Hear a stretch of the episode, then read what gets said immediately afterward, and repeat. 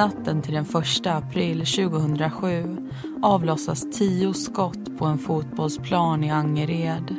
Flera unga killar springer snabbt bort ifrån platsen medan en annan ligger blödandes på marken.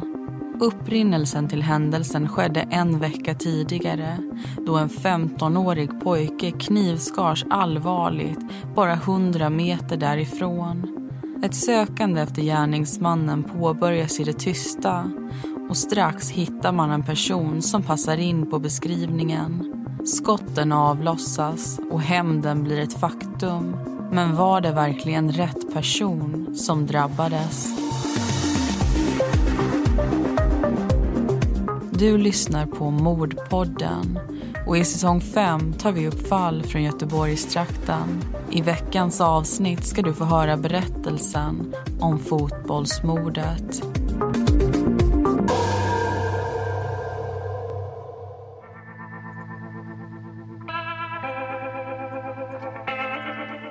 Angered. För vissa är det en plats där man fötts och vuxit upp. Ett område man som liten utforskade så mycket man kunde och som man som vuxen känner utan och innan. Varje stig, träd och hus finns lagrade i minnen. Det är på de här gatorna man lärt sig cykla och skrapat upp sina knän i processen. I de här bostäderna man haft allt från födelsedagskalas till minnesstunder. Det är en plats många kallar för hemma. Så också för 20-årige Sadik. Sadik är född och uppvuxen i Göteborg och bor tillsammans med sin familj i Angered.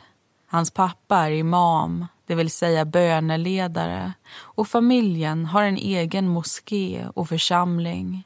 De har en stor bekantskapskrets och många vänder sig till just Sadiks pappa när de behöver råd eller hjälp för att lösa konflikter. Den 20-åriga killen har också flera syskon bland annat en äldre bror som heter Sayid och en 15-årig lillebror som heter Nassim. När pappan inte är hemma är det Sayid som tar på sig ansvaret att hjälpa och se över sina yngre syskon. Sayid är 23 år gammal och har både fru och barn. Men Sadik och hans familj är långt ifrån de enda som bosatt sig i den norra stadsdelen. Och för andra är Angered mer av en nystart. På andra sidan jorden, i varmare breddgrader växer Hugo upp tillsammans med sin mamma och lilla syster i Chile när Hugo är fyra år träffar mamman en man som heter Esteban och de två inleder en relation. Esteban arbetar och är bosatt i Sverige men tillbringar så mycket tid han kan med den nyfunna familjen. Hugo blir en son för honom och i april 2006 drar flyttlasset till Sverige. Hugos mamma och lilla syster åker först då sonen fortfarande har studier han vill bli klar med. För mamman är flytten en chans till något bättre. Hennes dotter är en duktig atlet och Hugo vill studera vidare. I Sverige har de båda möjligheter de inte haft i Chile. I mars 2007, ungefär ett år senare anländer en 18-årig Hugo till Sverige han flyttar in i familjens gemensamma bostad i Angered och försöker göra sig hemmastad i det nya landet. Esteban har redan ordnat med studier åt honom och han ser fram emot att snart börja på gymnasiet. Under de kommande veckorna umgås han mest med familjen. Han skäms över att han inte kan prata svenska och att hans engelska är begränsad till bara ett par ord. Han har än så länge inga vänner i landet och håller sig mest inomhus. Går han ut gör han det inte ensam. Kvällarna tillbringas ofta med styvpappan Esteban. De tittar på tv tillsammans och går gärna en kvällspromenad till den närliggande fotbollsplanen. Intresset för fotboll är något de har gemensamt. Inte minst när det är Chile som spelar. Lördagen den 24 mars är det en träningsmatch på Ullevi i Göteborg. Brasilien spelar mot Chile och många har kommit för att titta. De flesta är där för att se det omåttligt populära laget från Brasilien som nästintill aldrig spelar i Sverige. Men i publiken finns också en hel del chilenska landsmän som kommit från hela Skandinavien för att heja fram sitt lag. På plats den kvällen är också Esteban och Hugo. Hugo är där med Estebans son och åker ensam hem med spårvagnen efter matchen. En bit därifrån, ungefär 100 meter ifrån den fotbollsplan där Esteban och Hugo brukar spela pågår det en fest för att fira profeten Muhammeds födelse. Klockan är ungefär nio på kvällen och 15-åriga Nassim är där när ett tjafs uppstår mellan några från hans familj och en spansktalande kille. Nassim och några vänner letar upp den oinbjudna gästen och frågar vad han håller på med. Killen ser ut att vara från Sydamerika och har joggingbyxor och en röd jacka på sig. Han verkar inte förstå vad Nassim säger och de följer efter honom från innergården och ut på parkeringen. De kastar stenar efter honom och plötsligt drar den spansktalande killen fram en kniv. Han gör utfall mot dem som gett sig på honom och killarna vänder sig för att springa därifrån. Men Nassim hinner inte undan och killen stöter en kniv i hans kropp sex gånger om. Nassim sjunker ihop på en bänk samtidigt som hans gärningsman försvinner därifrån. Efter ett tag dyker storebrodern Said upp. Han har befunnit sig i närheten och kom så snart han fått veta vad som hänt. Said ser hur illa däran hans lillebror är och skäller ut vännerna som tycks vara mer intresserade av att hitta den som huggit Nassim än att hjälpa den skadade 15-åringen. Nassim körs till Salgrenska sjukhuset och vidare in i en operationssal.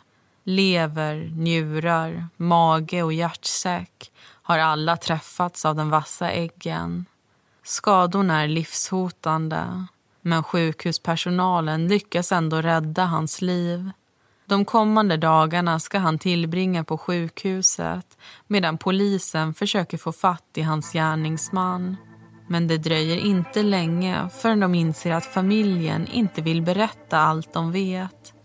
De sitter inne med information och polisen inser att en hämnd kan vara i planeringsstadiet.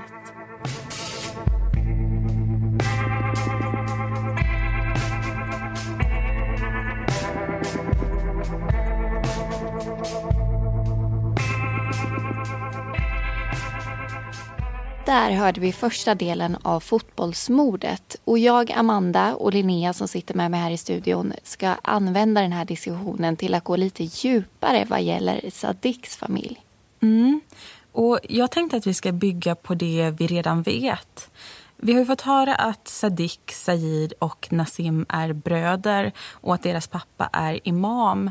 Men det vi inte har tagit upp ännu det är det inflytande som den här familjen har. Och tidigare i år så gjorde Aftonbladet nämligen en väldigt stor granskning om dem som heter just Familjen. Och I den här granskningen så kallar man dem för Göteborgs mäktigaste familj och man jämför dem faktiskt till stora delar med en maffia. Och överhuvudet i den här familjen är alltså de här killarnas pappa pappa. Han ser sig själv som någon som kan lösa konflikter mellan olika grupper och har också fått göra just det på uppdrag av polisen. Men han har även en väldigt stark maktposition. Han har sin egen moské och församling och när han vill få något gjort, eller ogjort för den delen, då händer det bums på en gång. Mm. Och I en av de här artiklarna så beskriver de ju bland annat en period då det var över hundra stycken lägenhetsinbrott i Angered under en väldigt kort tid. Polisen tog då kontakt med den här pappan och plötsligt så upphörde alla inbrott. Och pappan har aldrig dömts för någonting. Men eh, familjen i stort har ju flera anmälningar emot sig. 2017 när den här artikelserien publicerades så tog man bland annat upp att det de senaste två åren kommit in nästan 200 anmälningar mot olika personer i den här familjen. Och jag tycker inte om att peka ut en familj när det ofta rör sig om ett par personers agerande. Så vi ska försöka bryta ner det här lite så att man lättare förstår. Och den här familjen består av ungefär 120 personer så den är ju ganska stor. Och de flesta bor i just Angered. Och utav de här 120 personerna så är det självklart en hel del barn och människor som inte har någonting med brottslighet att göra. Mm. Men ett 30 80-tal av dem förekommer i polisens register, alltså en fjärdedel av alla de här personerna. Och då rör det sig ofta om våldsbrott som till exempel misshandel, grov kvinnofridskränkning, mord, olaga hot, vapenbrott och utpressning. Alltså allvarliga grejer pratar vi om. Och ett vanligt problem som polisen har när det kommer till just de här individerna i familjen är att vittnen ofta skräms och misshandlas, vilket i sin tur då leder till att Ryan Reynolds here from Mint Mobile. With the price of just about everything going up during inflation, we thought we'd bring our prices down. So to help us, we brought in a reverse auctioneer, which is apparently a thing. Mint Mobile unlimited premium wireless. Ready to get 30, 30, bit to get 30, bit to get 20, 20, 20, bit to get 20, 20, bit to get 15, 15, 15, 15 just 15 bucks a month. So, Give it a try at mintmobile.com/switch. slash $45 up front for 3 months plus taxes and fees. Promo rate for new customers for limited time. Unlimited more than 40 gigabytes per month slows. Full terms at mintmobile.com. de allra flesta anmälningarna dras tillbaka eller saknar tillräckliga underlag för att leda till åtal eller någon dom. Mm. Och när man ser allt det här tillsammans så är det inte så svårt att se vilken räckvidd den här familjen faktiskt har. Och innan vi går tillbaka till berättelsen så vill ju vi ta upp en sak till. Och Det är det här med människor som tar lagen i egna händer och vad det egentligen får för konsekvenser. Och för ett par år sedan så kommer jag ihåg att jag läste en artikel om en man i USA som mördat sin dotters misstänkta våldtäktsman efter att han hade frikänts. Och den här artikeln den cirkulerade i sociala medier. Den fick tummen upp, skrattande smileys och massvis med kommentarer från människor som tyckte att det här var någonting bra. Vad tänker du när du hör det här, Amanda? Oj, svår fråga. Jag, jag, vet faktiskt inte riktigt vad jag tänker. För på ett sätt så förstår jag den här pappan. Eller jag förstår att han vill döda den här personen. För den har ju trots allt förstört hans dotters liv om man nu skulle då vara den skyldiga. Och då förstår jag att man som anhörig tycker att gärningspersonen förtjänar att dö. Men sen tror jag inte att det här är en bra lösning för det skapar ju nya problem om man tänker ett steg längre. Dels tänker jag att den här pappan riskerar att hamna i fängelse och det skulle ju skada hans dotter ytterligare för då skulle hon förlora sin pappa. Och sen tänker jag på att den här misstänkte våldtäktsmannen också har en familj. Och genom att döda honom så gör man hans anhöriga illa för livet. Och de är oskyldiga i det här. Och då snurrar det liksom bara runt och blir en ond cirkel. Och jag kan inte tänka mig att det här löser några problem även om det säkert känns kanske skönt och rättvist för pappan i stunden.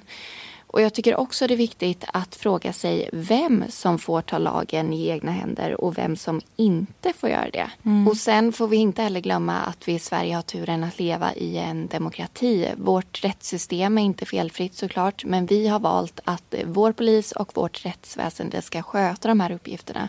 Och det måste vi också låta dem göra. Mm. Jag tycker du hade väldigt många bra poänger i det där. Men eh, när man tittar på såna här saker, alltså jag kan bli väldigt arg när jag till exempel läste den här artikeln. Men samtidigt kan jag tycka att det också är viktigt att såna här artiklar ändå skrivs. För det handlar ju i grund och botten om ett missnöje för rättssystemet. Och visar vi inte att vi är missnöjda när vi är det, då kommer vi heller aldrig att få igenom några förändringar. Och vi ska alldeles strax få höra nästa berättelse men eh, först vill vi tipsa om en ny podd som har kommit till Radioplay. Tilläggstid heter den och varje dag pratar Claes Andersson och Patrik Ekvall om fotboll. De tar upp de senaste nyheterna, vilket såklart kan vara extra intressant nu när Sverige gått vidare till fotbolls-VM.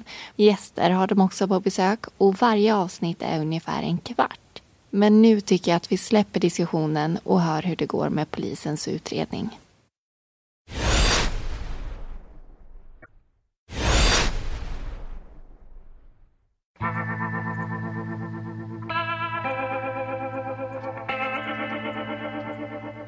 Utredningen av knivattacken får en långsam start trots att många människor var på plats och såg det som hände.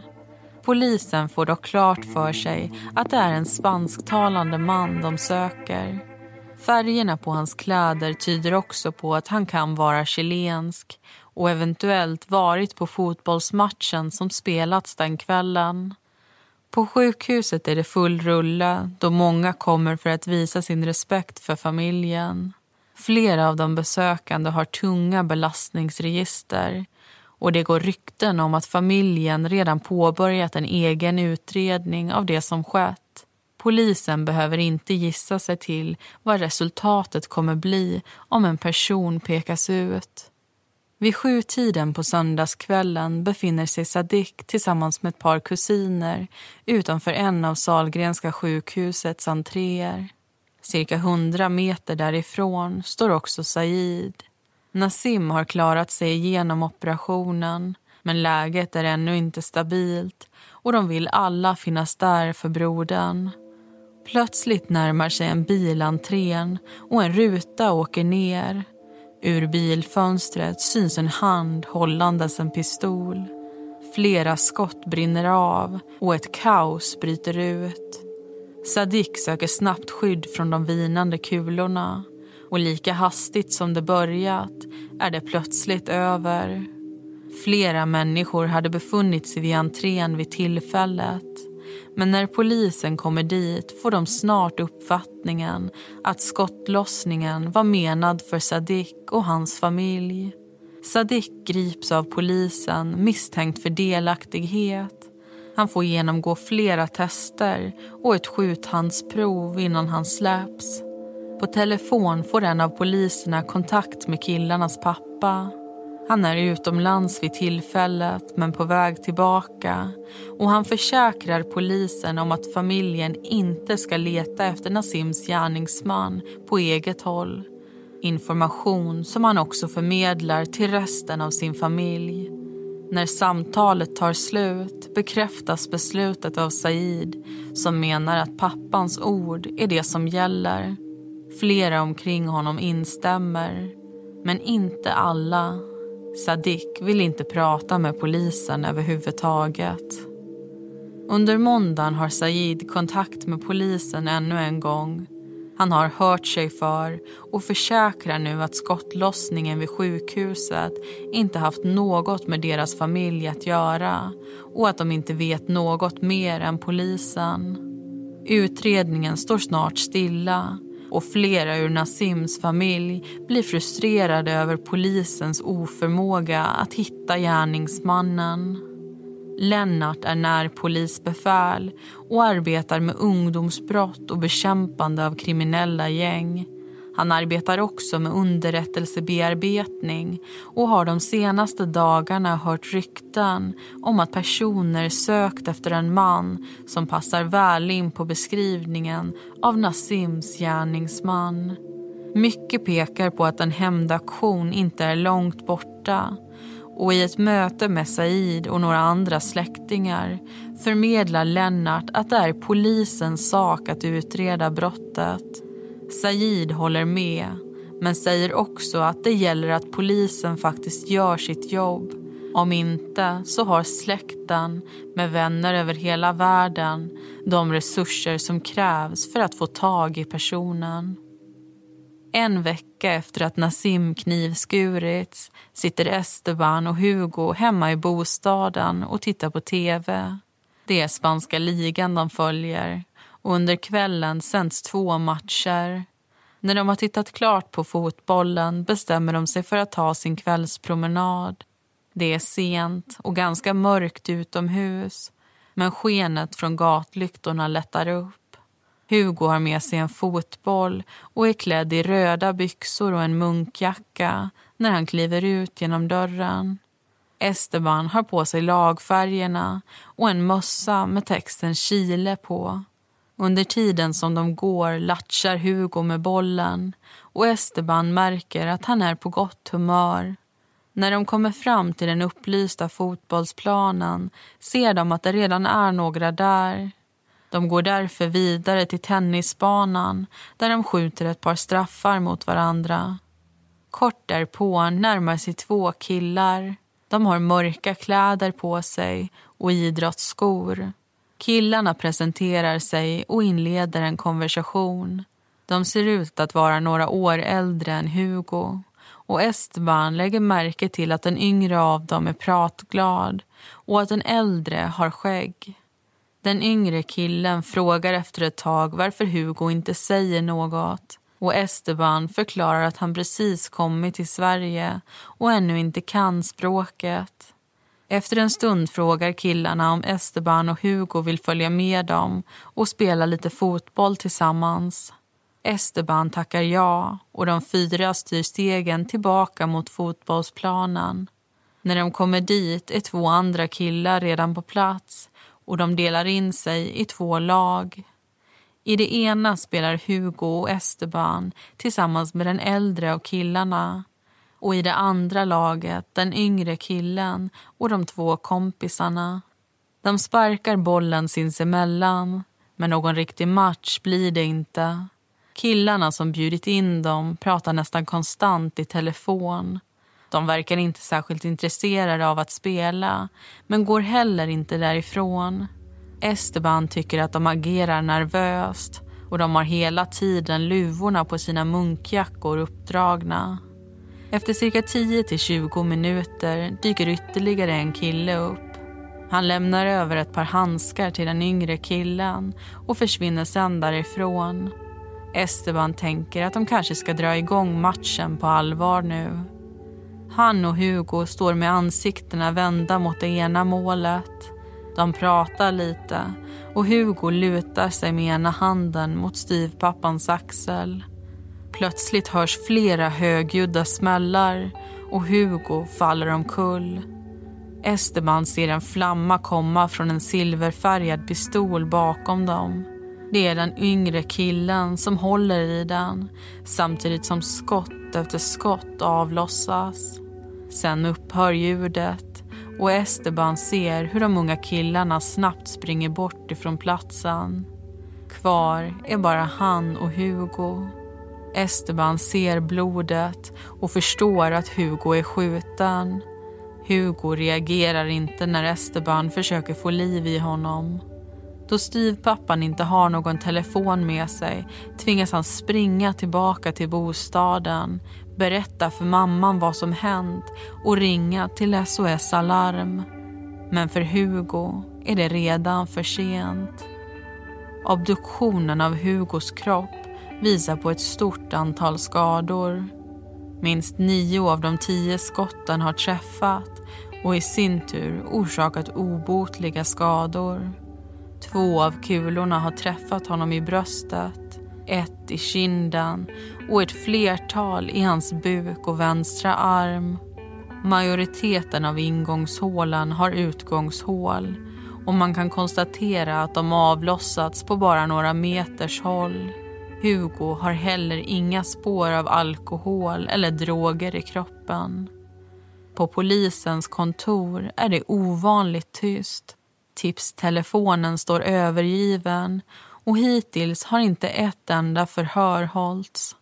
Man är övertygad om att det finns flera personer som vet vad som hänt men ingen av dem vill prata med polisen.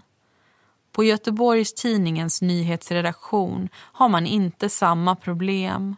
Dit har det redan ringt flera personer som uppger att mordet var en hämndaktion.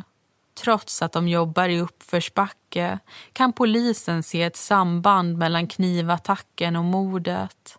Det leder dem i sin tur vidare och några veckor senare häktas Said tillsammans med en kille som heter Karim. De har båda kunnat kopplas till fotbollsplanen just den kväll då Hugo sköts ihjäl. Men den person som polis och åklagare vill få fatt i ännu mer är 20-åriga Sadik. De är nämligen övertygade om att det var han som sköt. Problemet är att han inte har setts till sedan mordnatten och tros nu befinna sig utomlands och att hans familj inte vet vart han är tror polisen inte på en enda sekund.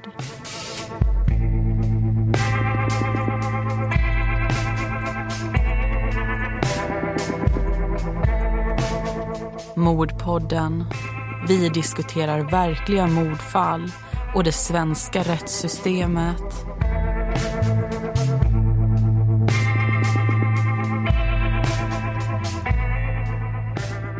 Då är vi tillbaka i studion igen och den här gången ska vi diskutera vad som händer efter att ett mord har begåtts. Men först ska vi ta upp något som är specifikt för just det här fallet. Mm. Och Det är den här attacken som sker vid entrén till Salgrenska sjukhuset. För det är något som polisen har väldigt svårt att sätta in i sammanhanget av allt annat som sker under den här tiden. Men eh, enligt en artikel från Aftonbladet så visar det sig flera år senare att Sadiq och hans familj faktiskt inte var måltavlan utan två andra som stod bredvid dem och rökte. Men den här händelsen får ändå konsekvenser. Vi har ju precis hört i berättelsen att polisen tror att det är Sadiq som har skjutit Hugo. Och det tror man sig veta på grund av vittnesmål, bland annat Estebans. Och det är en sak Esteban lägger märke till den här kvällen och det är att Sadik sätter på sig ett par handskar strax innan Hugo skjuts. I berättelsen tar ju vi upp att Sadik grips i och med skjutningen på Salgrenska och att han då får genomgå ett skjuthandstest. Och en sak han plockar upp när han är där är just vikten av att ha på sig handskar när man avlossar en pistol. Och Vi ska inte avslöja så mycket mer än så för vi har ju en berättelsedel kvar i det här avsnittet. Men eh, först så vill vi försöka ge en liten insyn i det som de anhöriga tvingas gå igenom då ett mord begås. Och vi fokuserar ju väldigt mycket på att berätta vad som hände innan polisens utredning och slutar ofta vår rapportering där rättegången slutar. Men för de anhöriga så tar det ju självklart inte slut där. Nej, och det är något som det väldigt sällan pratas om upplever jag. För när en person går bort under normala omständigheter så är det ändå mycket som ska göras. En begravning ska planeras och det är blommor, det är kista, det är dödsannonser och gravsten. Och sen ska man kanske städa ur och sälja en bostad, fixa med försäkringar och ekonomi och massa, massa annat. Och när man dessutom mist en person genom ett mord kan man lägga till all tid och ork som rättegångarna tar, skadeståndsansökningar och allt annat runt omkring. Mm. Och inför den här diskussionen så har ju vi faktiskt haft kontakt med två stycken anhöriga. Och den ena tjejen hon heter Sanna och hon berättade ju att precis när mordet skedde så var det väldigt många nyfikna på vad som hade hänt. Och hon tyckte att det var jättejobbigt att tidningarna skrev om det och sen efter begravningen så blev det helt plötsligt knäpptyst. Folk slutade ringa och höra av sig och samtidigt var allt det som skulle ordnas plötsligt klart. Och hon beskriver det som att sjunka ner i ett djupt hål som man inte kommer upp ur. Och Sanna hon pratar också om hur ensam man som anhörig till någon mördad kan känna sig. Hon drar bland annat paralleller till Estonia-katastrofen och hur människor där i alla fall kunde finna stöd och tröst i varandra. Och att det var någonting som hon saknade. Och den andra tjejen vi haft kontakt med är Emily. För henne blev det snabbt väldigt tydligt vilket informationssamhälle vi lever i. Mm. Redan på sjukhuset fick familjen sms från människor som beklagade sorgen. Och det här var något som fortsatte. När något nytt skedde i utredningen så var det oftast genom medierna och inte polisen som de fick reda på det. Och hon upplevde också att det var väldigt krångligt att ansöka om skadestånd från Brottsoffermyndigheten. Det var massa papper som skulle fyllas i och det ena var krångligare att förstå än det andra. Och sen tvingades hon dessutom komplettera det med brev där hon skulle bevisa hur nära hon faktiskt stod den personen hon förlorat. Vilket hon tyckte kändes oerhört kränkande och det förstår jag verkligen. Och båda de här tjejerna de har ju också varit i kontakt med sjukvården efter att de mist sina anhöriga. Och då har de haft lite blandade resultat. Sanna och hennes familj kom precis i semestertider och de fick lugnande utskrivet av sjukhuset men ingen att prata med. Vilket de förstås tycker var bedrövligt och det förstår jag. Emily däremot, hon fick någon att prata med och i kombination med medicinering så blev hon hjälpt ur några av sina mörkaste stunder.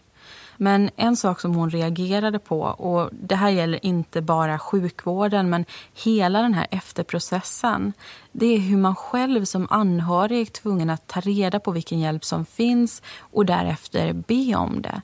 Det var alltså aldrig någon som satte sig ner och förklarade vad de hade rätt till och hur de skulle gå tillväga.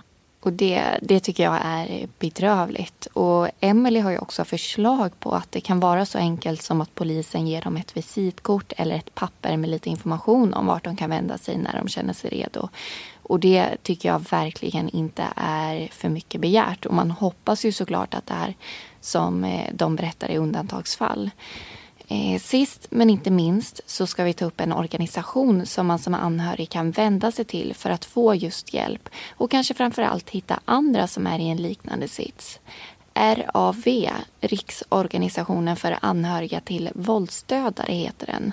Och de har allt ifrån anhörigträffar till föreläsningar. Och de kämpar väldigt hårt för att samhället ska få bättre insikt i och förändra situationen för anhöriga. Mm. Och Emily kom ju i kontakt med dem lite av en slump och förväntade sig kanske inte så mycket men för henne så har det ändå blivit en plats där hon kan prata väldigt fritt om det som hänt och inte behöva hålla tillbaka för att andra blir obekväma. Och samtidigt som alla sörjer på sitt eget sätt så menar hon att det också finns mycket som man har gemensamt.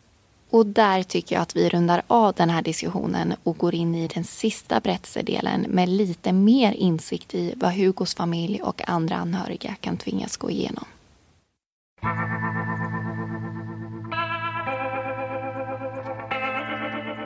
Ljudet av skor som springer över gräs och asfalt följer skotten som precis avlossats i Angered. Sadiq, Said och Mohammed hoppar in i en bil och kör snabbt därifrån. Andningen ges en chans att återhämta sig då de åker mot Tomaskyrkan. När de kommer fram parkerar de och lämnar bilen. Sen skiljs de åt och Sadiq förbereder sig för att fly. Ett par dagar senare landar den 20-åriga killen i Libanon, hans pappas hemland. Där kommer han stanna i över ett års tid samtidigt som hans bror och vännen Karim häktas misstänkta för mord. I slutet av 2007 sker två saker med polisens utredning. För det första finner man en silverfärgad pistol i en bil. Vapnet är tillverkat i forna Jugoslavien och är en kopia av den svenska polisens tjänstevapen. Det är också mordvapnet. För det andra så åtalas Sajid för mord och Karim för medhjälp till mord. Åklagaren kommer försöka bevisa att de båda var medvetna om Sadiks planer den kvällen och att de utförde brottet tillsammans. Vad gäller Sajids påföljd yrkar åklagaren på livstidsfängelse. Polisen tar ännu en gång kontakt med Sadiks familj. De pratar med pappan och ber honom att ta hem sonen till Sverige. Pappan svarar att han inget hellre vill och säger att familjen gör sitt bästa för att Sadik ska återvända så snart som möjligt. Familjen har kontakt med sonen på telefon och till slut berättar han att han befinner sig i Libanon. De säger åt honom att komma hem det är inte passande för dem att ha en son som håller sig undan. Han måste ta sitt straff. Den 28 december släpps Said och Karim från häktet och några dagar in på det nya året kommer domen som frikänner dem båda. Sex månader senare, i början av juni 2008 grips Sadik på Kastrups flygplats i Danmark. Under de kommande månaderna ska han få berätta sin version av det som hände den där ödesdigra vårnatten. Efter attacken vid Salgrenska sjukhuset kände sig Sadik orolig och rädd. Han bestämde sig för att göra något åt saken och tog kontakt med en bekant som hjälpte honom köpa en pistol. Hans familj skulle inte tolerera att han beväpnat sig och han förvarade därför vapnet hos en vän. Eftersom han inte hade något hölster lånade han ett ryggskydd från hans mamma och spände det runt kroppen. Under vilade den kalla metallen. Lördagen den 31 mars får han ett meddelande från vännen Monir om att det är en fest i Gårdsten. Han åker därefter och hämtar pistolen innan han sluter upp med Said. Storebrodern har inte mycket över för festandet och tycker istället att de ska åka hem. Men Sadik envisas och snart står de på en parkering i Gårdsten tillsammans med vännerna Karim, Mohammed och Monir. De hör hur det kommer musik från den upplysta fotbollsplanen och bestämmer sig för att gå dit och sparka lite boll först. Efter ett par minuter närmar sig två sydamerikanska killar en äldre och en yngre. Killarna ansluter sig till matchen och de spelar tillsammans i ungefär en halvtimme. Efter det säger Monir att han vill åka iväg för att träffa en tjej och Sadik ger honom reservnycklarna till Saids bil. Karim har även han tröttnat och åkt iväg för en stund sen.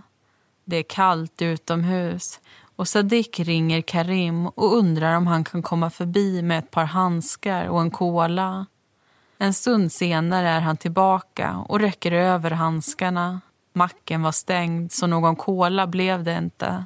Sen försvinner Karim iväg igen. Sadik sätter på sig handskarna och strax därefter kommer en bekant fram till honom och ställer en fråga. Hur kan du spela fotboll med den som huggit din bror? Frågan sjunker in och Sadik vänder sig om för att konfrontera Hugo som precis pekats ut. Hans kroppsspråk är aggressivt och hotfullt då han går mot den 18-åriga killen med syfte i stegen. Han frågar skrikandes om det är Hugo som huggit hans bror och får ett aggressivt svar på spanska. Plötsligt halvspringer de båda mot varandra och Hugo plockar fram en stor sågtandad kniv. Han går till anfall och Sadik sliter fram pistolen för att försvara sig. Det första skottet är för att skrämmas, de andra för att stoppa attacken. Plötsligt hör Sadik brodern Said skrika “sluta, sluta” samtidigt som han tar tag i honom bakifrån. De börjar springa därifrån och när Sadik vänder sig om ser han hur Esteban böjer sig ner bredvid Hugo och plockar upp vad han förmodar är kniven. Sen går allting snabbt. Han bränner sina kläder och gömmer pistolen i ett skogsbryn. För att ta sig till Libanon får han hjälp av en bekant. Förhörsledaren lyssnar lugnt och uppmärksamt på det som sägs. Mycket stämmer överens med det som redan kommit fram i förhören med brodern och vännerna. Men när åklagaren väcker åtal en andra gång kommer inte dennes version att vara samma som Sadiks. I sin arsenal har åklagaren bland annat video från en övervakningskamera och telefonlistor som kommer få en betydande roll för bevisbördan. Enligt åklagaren handlar det inte om nödvärn.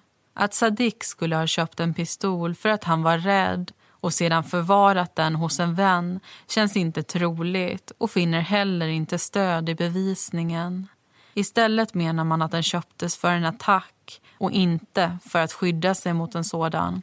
Inte heller Sadiks förklaring till varför killarna åkt till Gårdsten den kvällen väljer rätten att tro på. Istället lägger åklagaren fram en version som menar på att de åkte dit med syftet att leta efter Nasims gärningsman. De fem killarna var framme i Gårdsten klockan 23.52 den kvällen. Sadik och Mohammed hade fått skjuts av Monir medan Sayid och Karim tagit sina egna bilar. De gick förbi den plats där Nassim attackerats en vecka tidigare och vidare till fotbollsplanen.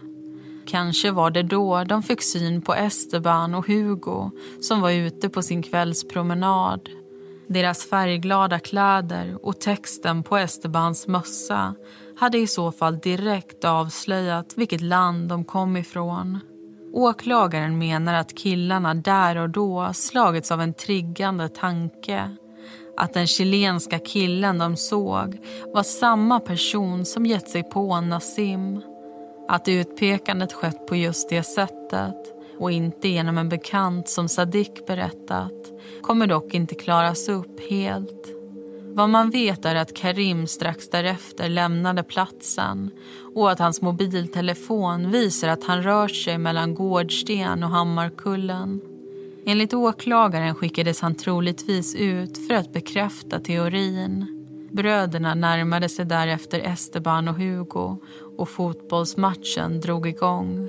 Under tiden ringdes flera samtal till Karim som befann sig i Hammarkullen klockan 00.49.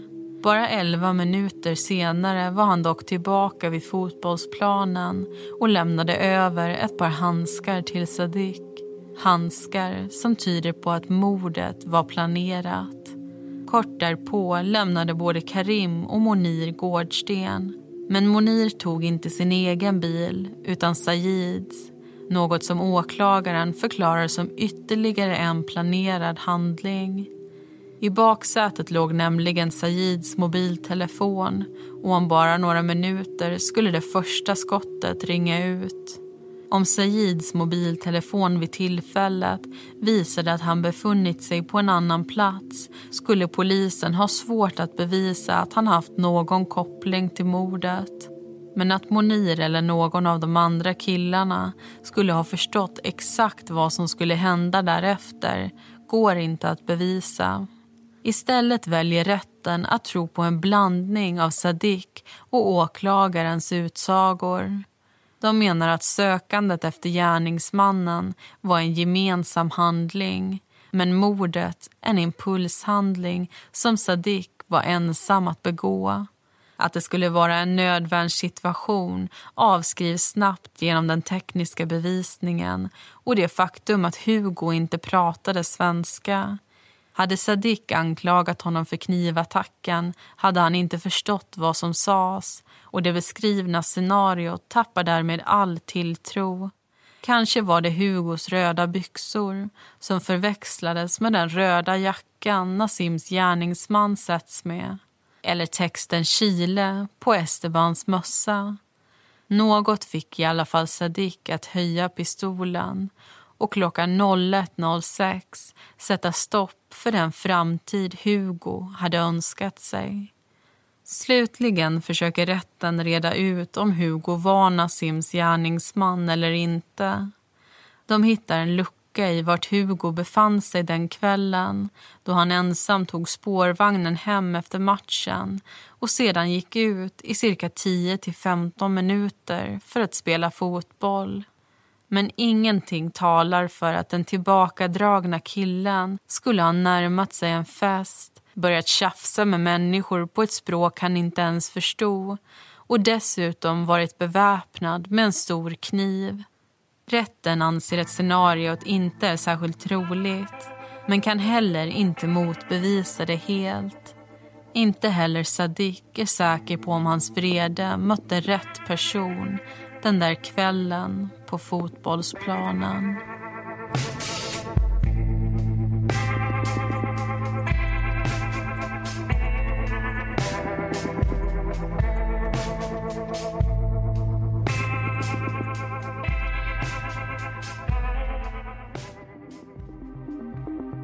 Sadik dömdes i Göteborgs tingsrätt till nio års fängelse för mord.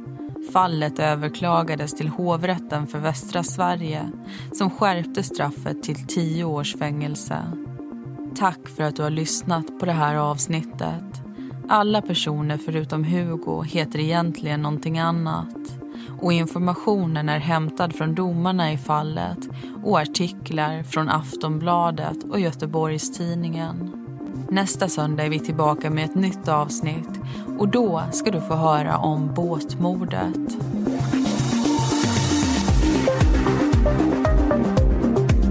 Vi som gör Mordpodden heter Linnea Bolin och Amanda Karlsson. Bakgrundsmusiken består av låtarna Lasting Hope, Lightless Dawn och Soaring från Kevin MacLeod samt Deep Space från Audionautics.